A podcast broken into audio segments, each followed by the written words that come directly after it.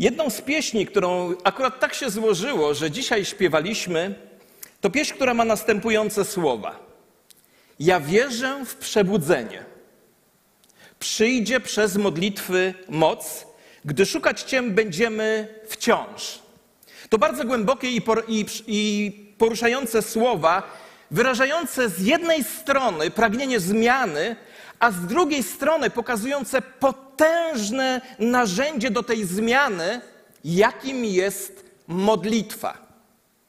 Jak bardzo to pasuje do słów apostoła Jakuba zapisanych w jego liście w piątym rozdziale, w szesnastym wierszu. Wiele może usilna modlitwa sprawiedliwego. To chyba najbardziej znany i cytowany wiersz dotyczący modlitwy. Ale zwróćcie uwagę, że ten wiersz to także potężna obietnica, która mówi o tym, że kiedy prawi ludzie wzywają Boga, ich modlitwy faktycznie przynoszą efekty. Problem polega tylko na tym, że ten wiersz, a co za tym idzie, ta wspaniała obietnica jest osadzona w niezwykle ważnym kontekście, który nie może nam umknąć. A tym kontekstem, czy inaczej mówiąc, wprowadzeniem do tej obietnicy są słowa Jakuba, które tę obietnicę poprzedzają. I brzmią one tak: Wyznawajcie sobie nawzajem upadki i módlcie się jedni za drugich, abyście byli uzdrowieni. I wtedy padają te słowa: Wiele może usilna modlitwa sprawiedliwego. Gdybyśmy więc zapytali autora tych słów, jakie modlitwy przynoszą dobrą zmianę, odpowiedziałby, że te, które są poprzedzone rozprawieniem się z naszymi grzechami przez wyznanie ich, odwrócenie się od nich, czyli po prostu przez pokutę. Posłuchajcie uważnie. Kiedy odważamy się oczyścić z brudów nasze serce przed Bogiem i między sobą i prosimy o wybaczenie, wtedy nasze modlitwy są naprawdę potężne, skuteczne i przynoszące zmiany.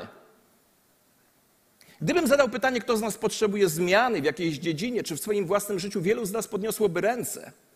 A za chwilę przejdziemy do dziewiątego rozdziału Księgi Daniela, kontynuując nasz cykl kazań, bo historia w tym rozdziale opisana to potężna ilustracja tej prawdy dotyczącej modlitwy, która przynosi dobrą zmianę.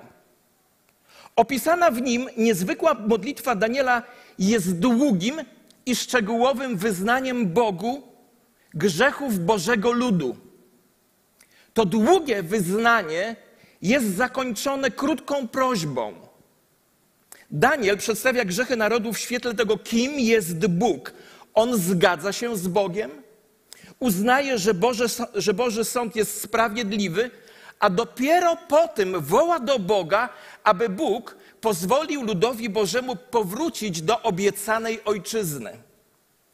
Mam wrażenie, że dzisiaj takie szczegółowe wyznanie grzechów, jeśli ma w ogóle miejsce w naszym życiu, to należy do rzadkości. Mi samemu może trafiło się to trzy razy, ale wiem i znam potęgę takiego wyznania. Mamy tendencję do powiedzenia Bogu: Przebacz mi moje grzechy i uczyń mnie wolnym. Nie, nie, nie czujemy w ogóle potrzeby być bardziej szczegółowymi, dokładnymi.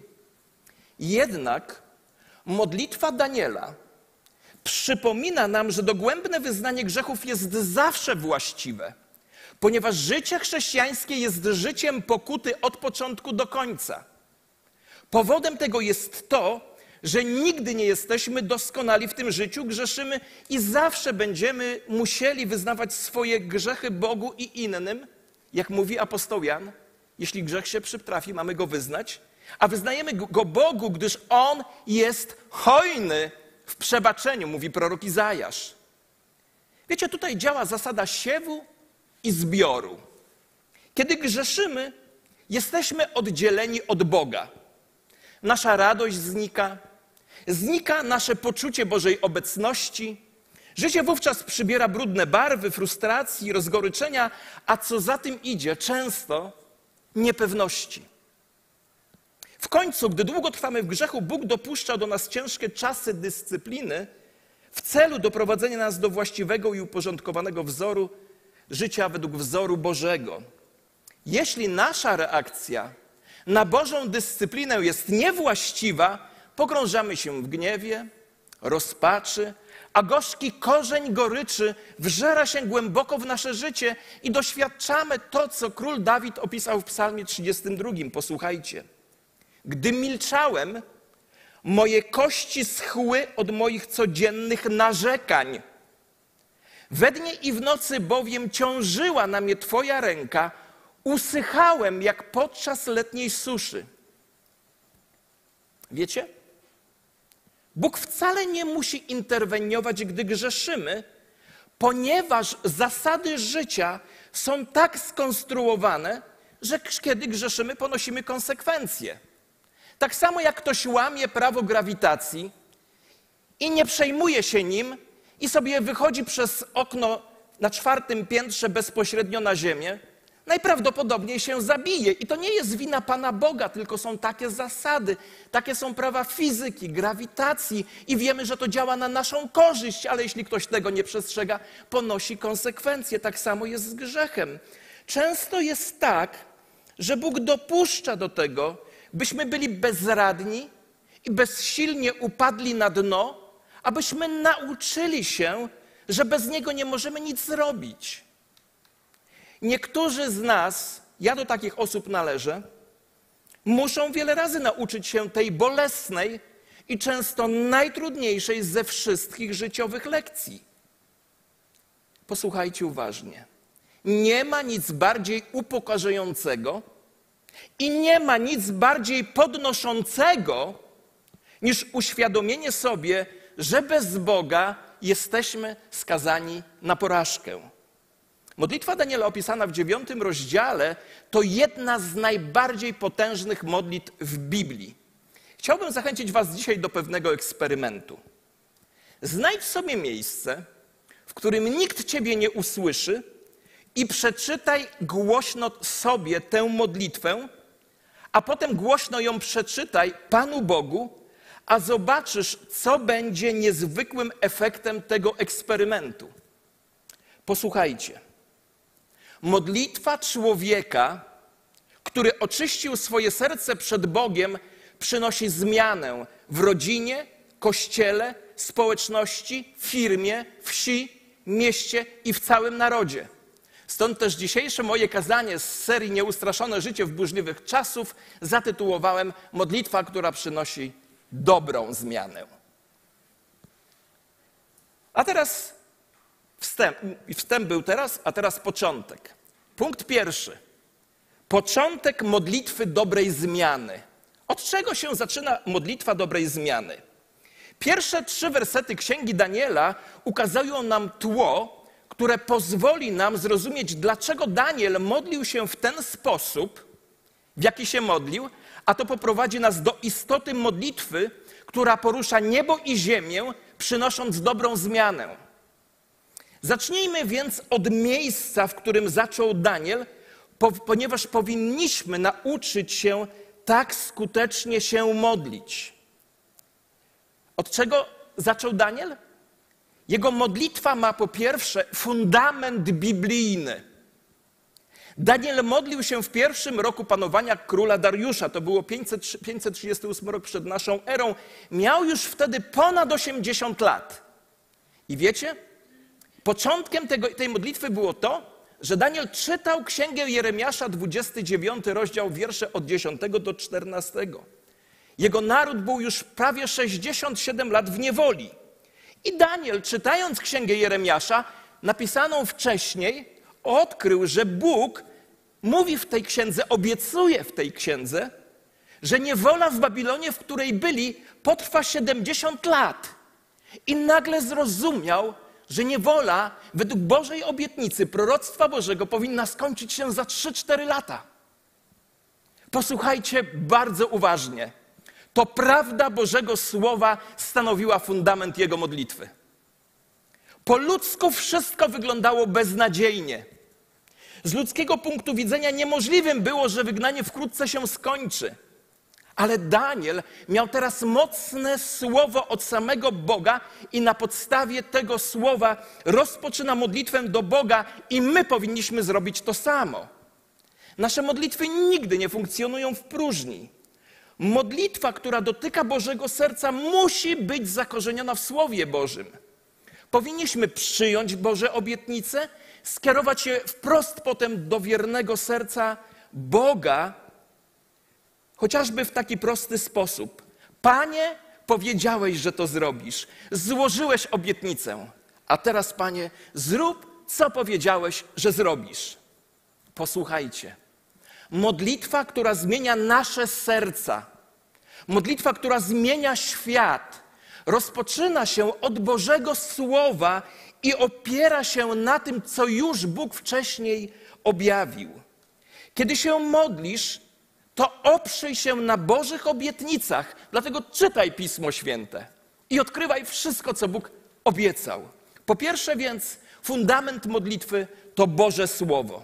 Druga rzecz podstawowa to główny cel modlitwy. Daniel do modlitwy podszedł nadzwyczaj poważnie. Posłuchajcie. Zwróciłem swoją twarz do Pana Boga, by szukać Go modlitwą i błaganiem w poście, w worze i popiele.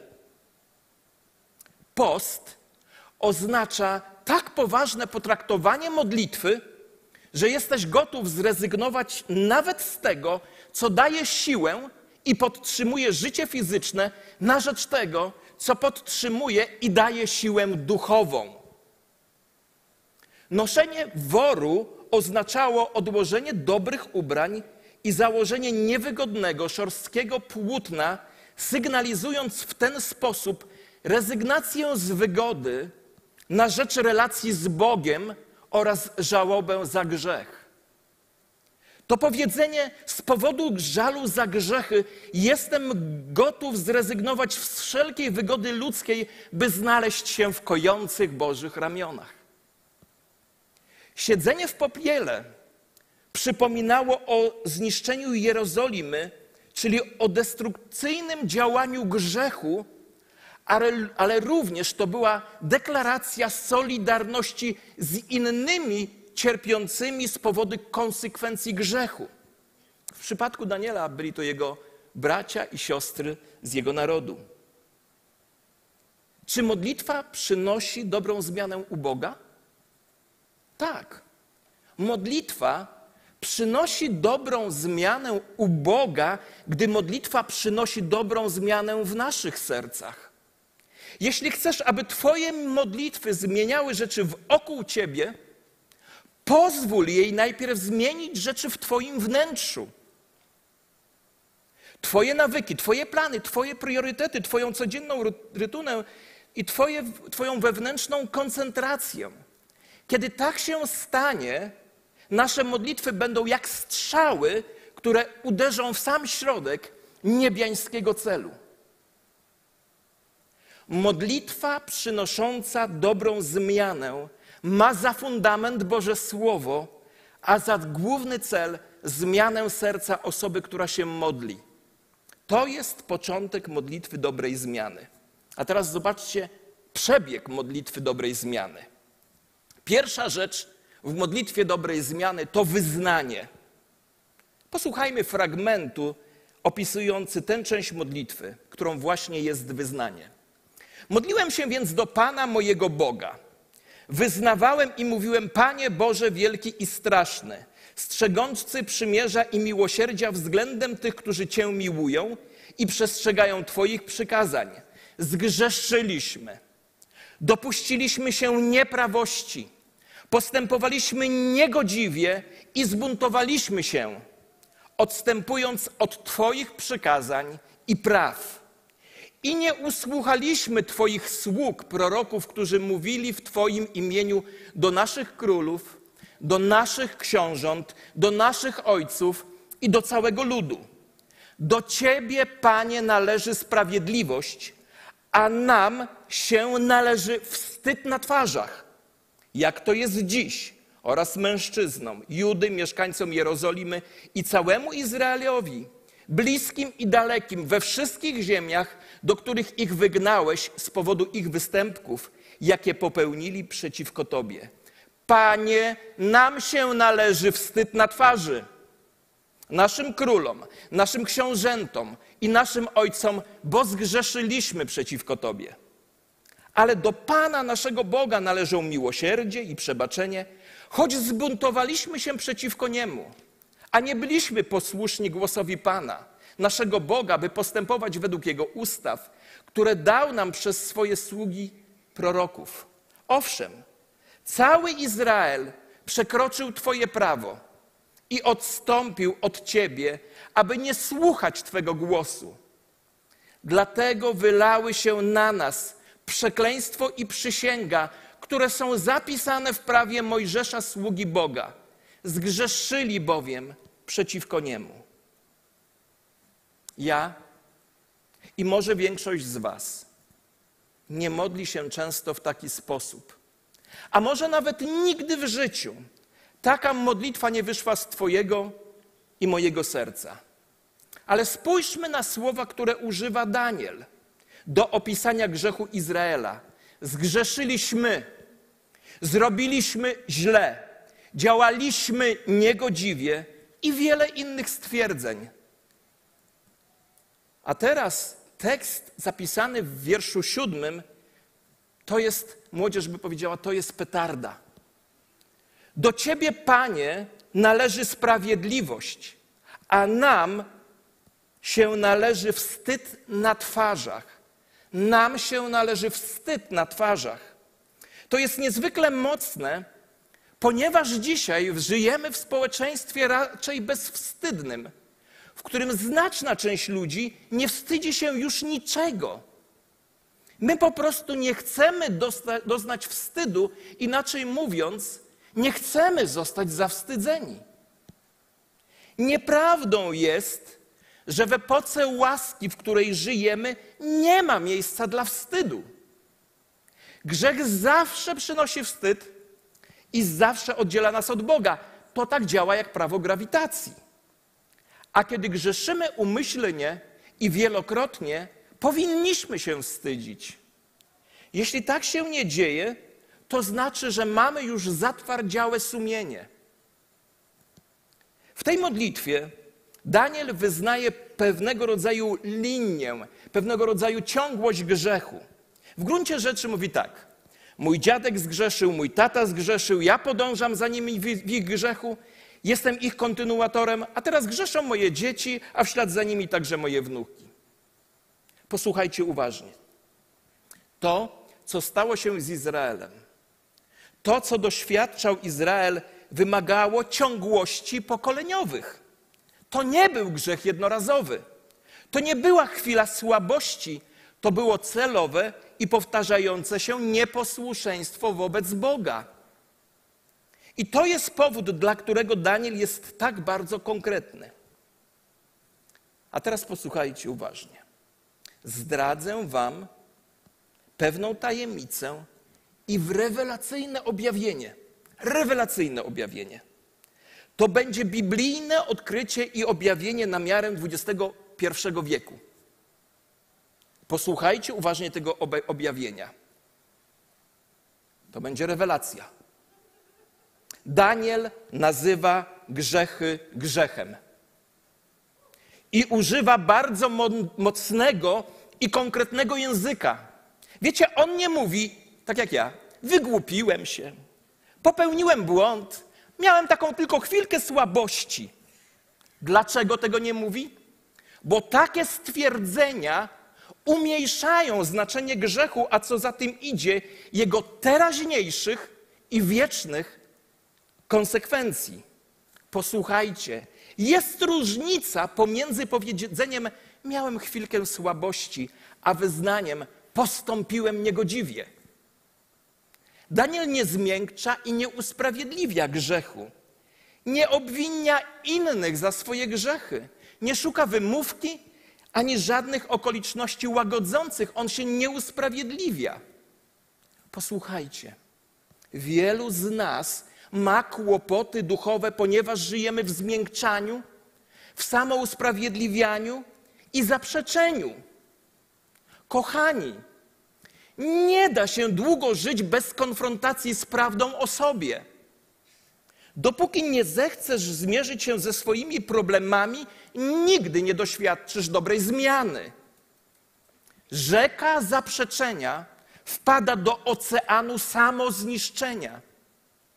Rzeka zaprzeczenia wpada do oceanu samozniszczenia. Nie możesz doświadczyć dobrej zmiany, dopóki nie przestaniesz kłamać o sobie, wypierać się i zaprzeczać. Tylko prawda przynosi wyzwolenie. Pierwsza część modlitwy więc to wyznanie, a druga część to uznanie. Wyznanie, druga część uznanie. Daniel dochodzi do momentu, w którym uznaje, że zasłużyli na to, co im się przydarzyło. Uznaje, że zasłużyli na to, co im się przydarzyło. Boże, powiedziałeś nam, że jeśli zgrzeszymy, to poniesiemy tego konsekwencje i tak się stało. Panie, prawo grawitacji mówi, że jeśli wyskoczę z czwartego piętra bez spadochronu, to się zabije albo w najlepszym wypadku się połamię. I zadziałało. Do kogo mam mieć pretensje, że znając prawo grawitacji wyszedłem z trzeciego piętra? Do kogo? Panie Boże, dlaczego mnie nie zatrzymałeś? A Daniel mówi: Nie mamy do ciebie żalu. Zasłużyliśmy na to, co nam się przydarzyło.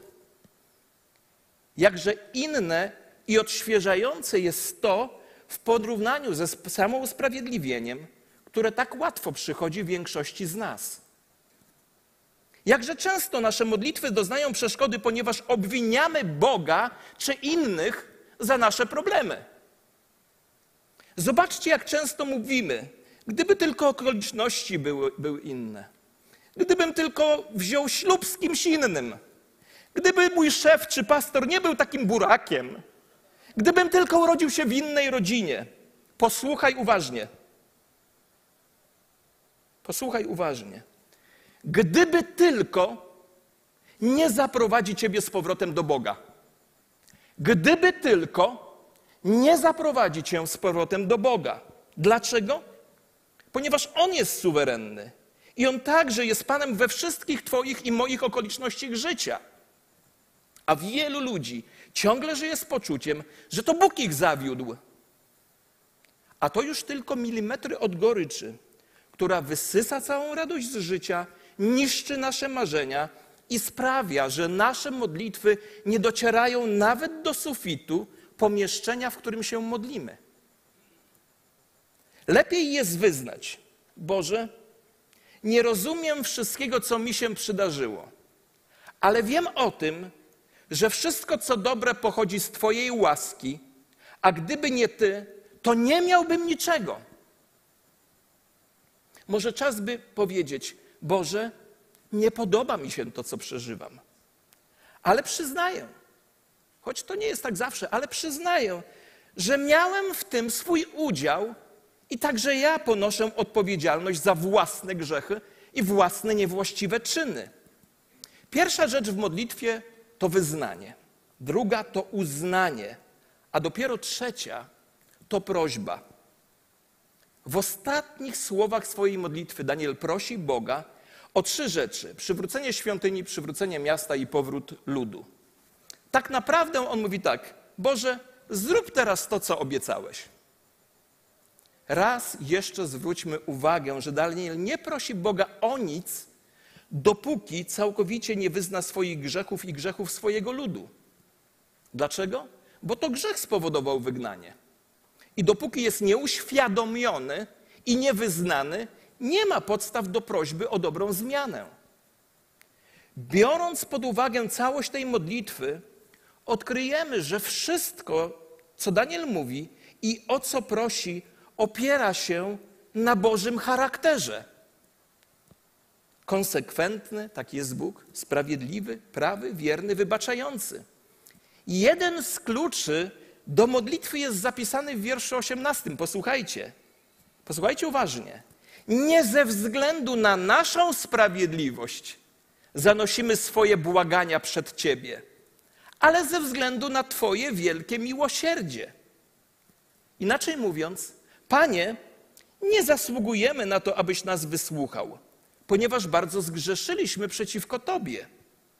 Jedynym powodem, dla którego do Ciebie przychodzimy, jest to, że jesteś Bogiem miłości i łaski. Rozumiecie? To jest niezwykle ważne. Kiedy podchodzimy do Boga z takim podejściem, odkryjemy, że On przyjmuje nas do swojej obecności i słucha łaskawie każdego słowa, które wypowiadamy. Podsumujmy więc.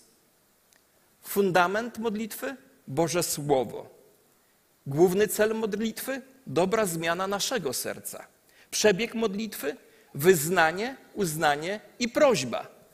I trzeci punkt. Gdzie prowadzi taka modlitwa? Wiersze 20 i 21 mówią nam, że to była modlitwa przerywana. Bo kiedy Daniel się modlił i wyznawał swoje grzechy oraz grzechy narodu, odwiedził go anioł Gabriel z wiadomością od Boga, że jego modlitwa została wysłuchana, a odpowiedź już jest w drodze. Pamiętajmy, że czas i odległość nie stanowią problemu dla Boga. Prawdą jest też, że Bóg wie, czego potrzebujemy, zanim go o to poprosimy. Nie dziwmy się więc, że odpowiedź może pojawić się, zanim jeszcze zaczniemy się modlić. Piękniej Bóg to wyraził w księdze Izajasza. I będzie tak, że zanim zawołają, ja się odezwę, gdyż, gdy jeszcze będą mówić, ja wysłucham. Zobaczcie, jakiego mamy Boga. Po pierwsze, modlitwa prowadzi do zdolności zrozumienia. Modlitwa daje nam zdolność zrozumienia. Posłucha, podobają mi się słowa Gabriela. Powiedział tak: Danielu, Danielu, teraz wyszedłem, aby uczynić cię zdolnym do zrozumienia. Słyszycie? Ja przyszedłem, żeby uczynić się zdolnym do zrozumienia, ponieważ prawdziwa modlitwa jest rozmową z wszechwiedzącym Bogiem. To zawsze nam daje zdolność zrozumienia rzeczy, których wcześniej nie znaliśmy. Księga Jeremiasza 33:3. Większość z nas, może nie większość, duża część zna na pamięć. Wołaj do mnie, a odpowiem ci. I oznajmię ci rzeczy wielkie i ukryte, których nie znasz. Modlitwa, która płynie z serca, uczy nas rzeczy o Bogu, o nas samych i o naszych okolicznościach. Kiedy się modlimy, wchodzimy do królestwa, które wykracza poza fizyczność, ponieważ rozmawiamy z Bogiem, który stworzył wszystko. Czerpiemy z tego coś więcej niż tylko wiedzę. To głęboki wgląd w to, kim jest Bóg i jak działa na świecie. Najlepszy rodzaj modlitwy zmienia nas od wewnątrz, gdy dowiadujemy się, co to znaczy powiedzieć z serca: Twoja wola niech się stanie. Prawdziwa modlitwa daje po pierwsze zdolność zrozumienia, do tego nas prowadzi, a po drugie, prawdziwa modlitwa przynosi zachętę. Posłuchajcie, jaką wieść od Boga przynosi Gabriel Danielowi. Danielu, jesteś bardzo umiłowany. Nie wiem jak was, ale mnie to wzrusza. Mnie to dotyka. To uczy nas, że Bóg słyszy nasze modlitwy nie dlatego, że jesteśmy dobrzy lub dlatego, że zasługujemy na wysłuchanie, ale po prostu dlatego, że nas kocha. Czasami przychodzimy z niewłaściwym nastawieniem, podświadomie myśląc: Bóg musi mnie usłyszeć, ponieważ byłem dobry w tym tygodniu. Ale żaden zwykły śmiertelnik nigdy nie może być wystarczająco dobry, aby zostać wysłuchany przez wielkiego Boga wszechświata.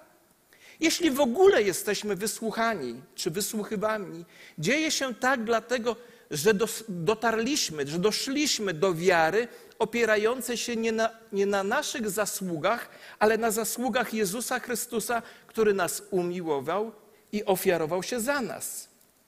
Kiedy powołujemy się na to, co Jezus dla nas zrobił i za nas umierając na krzyżu zrobił w nasze miejsce i z powodu naszych grzechów, możemy wtedy odważnie przyjść do tronu łaski, aby przedstawić nasze potrzeby Bogu. to nie przez uczynki, ale przez łaskę mamy zdolność zrozumienia, kiedy się modlimy, ponieważ Bóg umiłował nas na tyle, że dał nam swojego syna, aby umarł za nas. Jesteśmy więc z tego powodu zaproszeni, by przedstawić mu nasze prośby, ponieważ nas kocha. Modlitwa dobrej zmiany prowadzi nas do zrozumienia i prowadzi nas do doświadczenia Bożej miłości. A teraz zakończenie. Kilka słów na zakończenie. Kiedy ogarniamy tę modlitwę całościowo, to mamy dwie lekcje, które warto, a nawet trzeba zastosować. Po pierwsze, modlitwa Daniela powinna zachęcać nas wszystkich do odważnej modlitwy o wszystko, co jest w naszych sercach. Bóg kocha to, gdy Jego dzieci przynoszą Mu swoje potrzeby. Kiedy przyjdziemy w wierze, On nas nie odrzuci.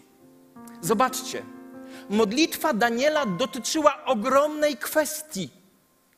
Ja dzisiaj porównałbym modlitwę Daniela do tej modlitwy, którą wznosili wierzący na całym świecie kilka dekad temu, by w Europie Wschodniej i centralnej upadł komunizm. I co? I stało się. Żyjemy w wolności. I oby tak zostało. A wtedy wydawało się to niemożliwe.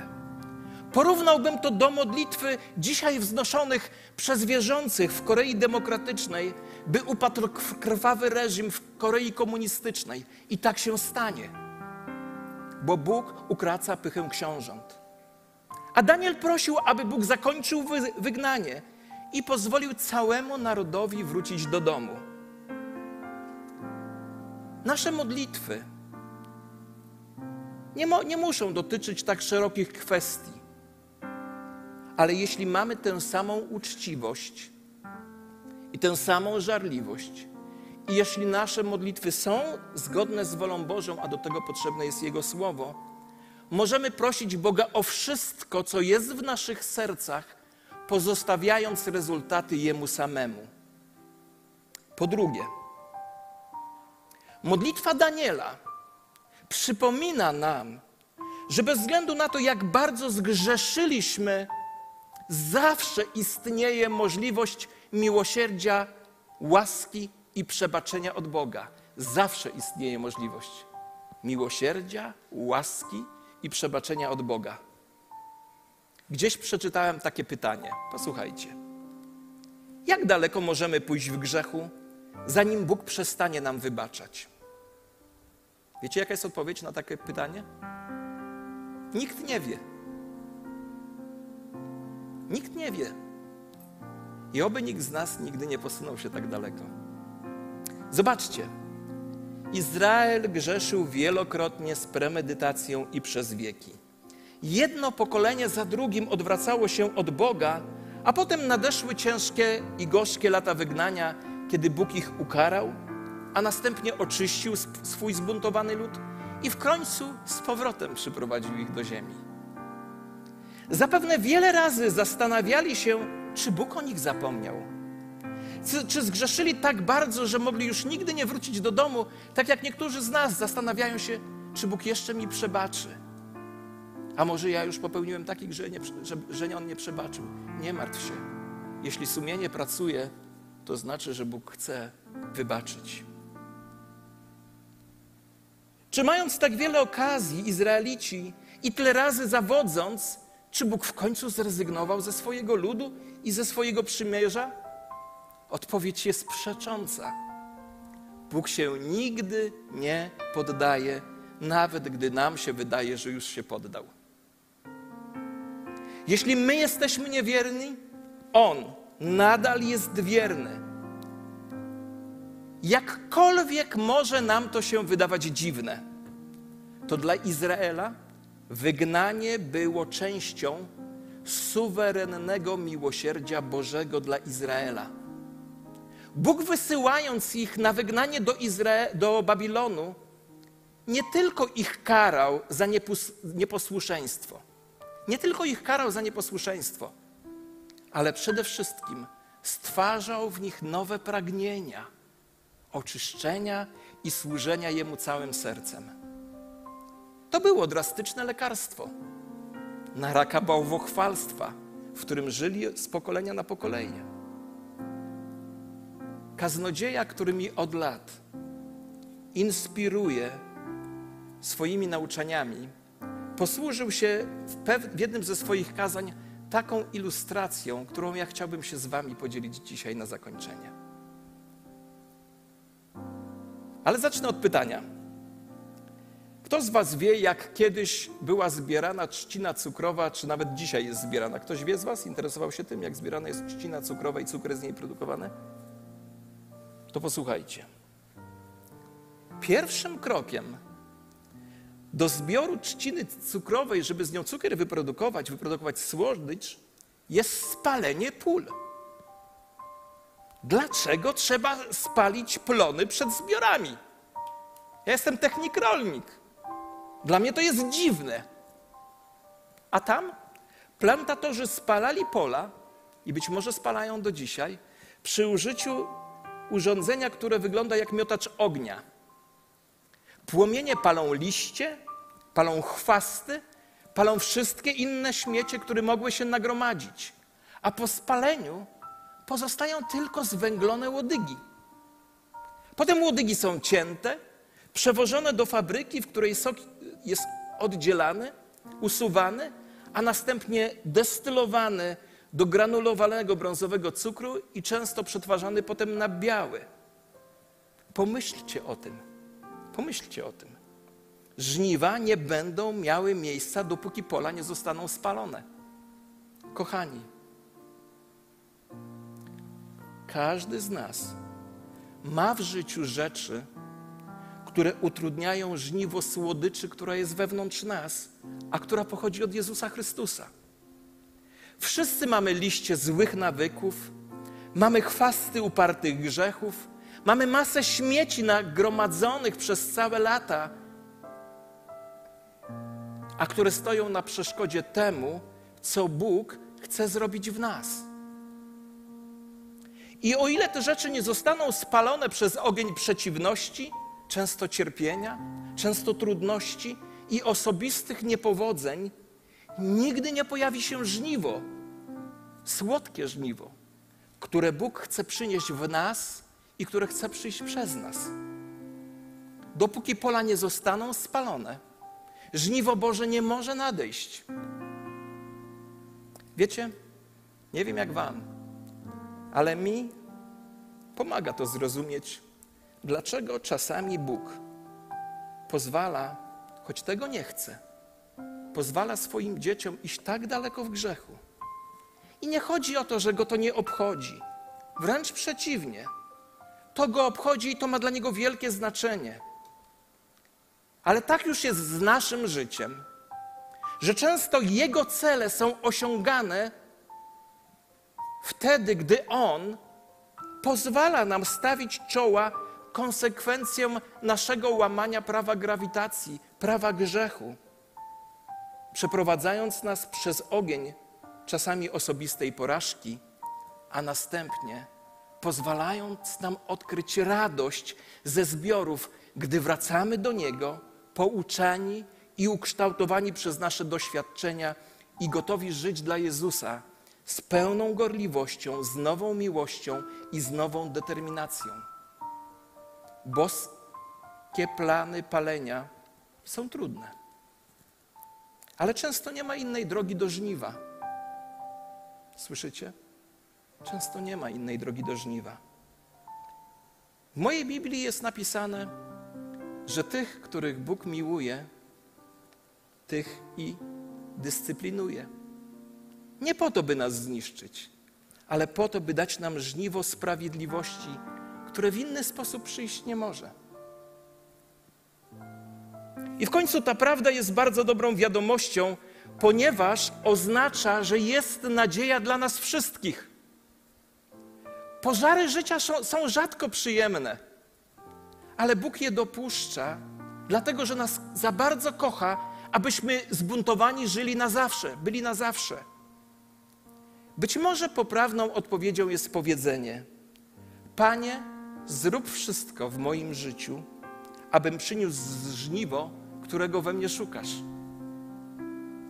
Kiedy przychodzimy z takim podejściem do Boga, to odkrywamy, że Bóg działa nawet w naszych trudach, kształtując nas powoli na obraz Pana Jezusa Chrystusa.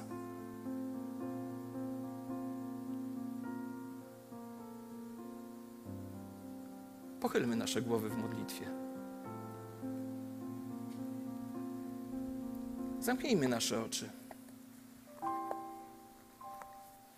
Bo wielu z nas dzisiaj jest w ogniu doświadczeń, w ogniu bólu. Zadajemy sobie wiele pytań. Ale wiecie, mój Bóg powiedział, że gdy będziesz przechodził przez ogień, nie spłoniesz. Powiedział też, że gdy będziemy przechodzili przez wody, one nas nie zaleją. Ponieważ nawet jeśli On nas prowadzi przez ogień, to przechodzi przez ten ogień wraz z nami. Każdy z nas pragnie słodkiego żniwa w swoim życiu. Każdy, z nas pragnie, by słodycz Chryst, Chrystusowa z nas się wylewała. Dlatego trudno nam jest też przejść przez takie okresy, ale mamy Boga i siebie nawzajem. Chciałbym pomodlić się o tych z Was, którzy wiedzą dzisiaj z pełną świadomością, że to słowo było do Was. Dajcie znać przez podniesienie ręki. Podnieście je wyżej. Jest wiele rąk. Moja też jest w górze. Boże, znasz nasze serca. Zgrzeszyliśmy. Postąpiliśmy niegodziwie. Odwróciliśmy się od Ciebie. Ale Twoje słowo mówi, że łaskawy i miłosierny jest Pan, nieskory do gniewu i pełen dobroci. I ta Twoja piękna obietnica, że jeśli przyznajemy się bez ściemiania do naszych grzechów, Ty ciągle jesteś wierny i sprawiedliwy. Oczyszczasz nas z grzechów i z wszelkiej nieprawości, za co Tobie dziękujemy. Amen. Powstańmy, proszę. I wsłuchajmy się w słowa przepięknej pieśni, która wyraża Bożą miłość do nas. A jeśli potrzebujesz osobistej modlitwy, to niech dzisiaj to będzie Twoja osobista modlitwa przed Bogiem. Jeśli potrzebujesz modlitwy z, z kimś, podejdź do któregoś z pastorów czy liderów. Z zachowaniem wszelkich środków będziemy się o Ciebie modlić. Do tego, który jest hojny w odpuszczeniu.